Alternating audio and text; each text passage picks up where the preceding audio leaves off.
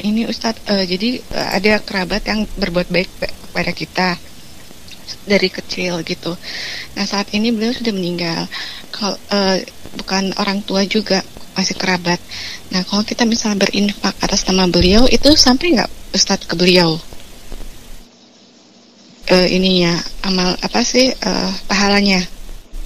Itu aja Ustadz. Assalamualaikum warahmatullahi wabarakatuh. Waalaikumsalam warahmatullahi wabarakatuh.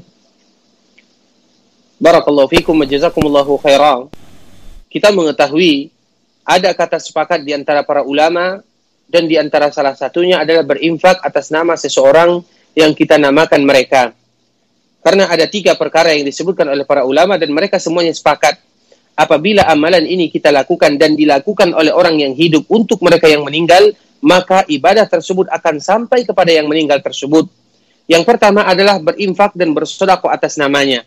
Yang kedua adalah berhaji atas namanya dan yang ketiga adalah berpuasa atas namanya. Tiga amalan ini yang apabila dilakukan oleh mereka yang hidup dan tujuannya adalah untuk mereka yang meninggal, maka akan sampai pahalanya sebagaimana yang disebutkan oleh Rasulullah wasallam.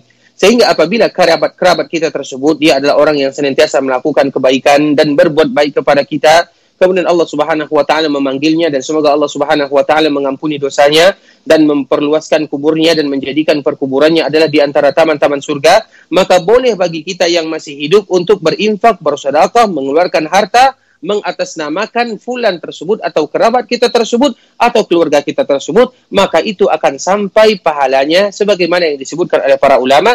Dan ini merupakan kesepakatan di antara para ulama melalui hadis-hadis Nabi sallallahu alaihi wasallam bahwa amalan-amalan seperti ini adalah amalan-amalan yang akan diterima pahalanya terutama oleh kerabat kita tersebut yang sudah dipanggil oleh Allah Subhanahu wa taala. Semoga Allah menjaga kita. Barakallahu fikum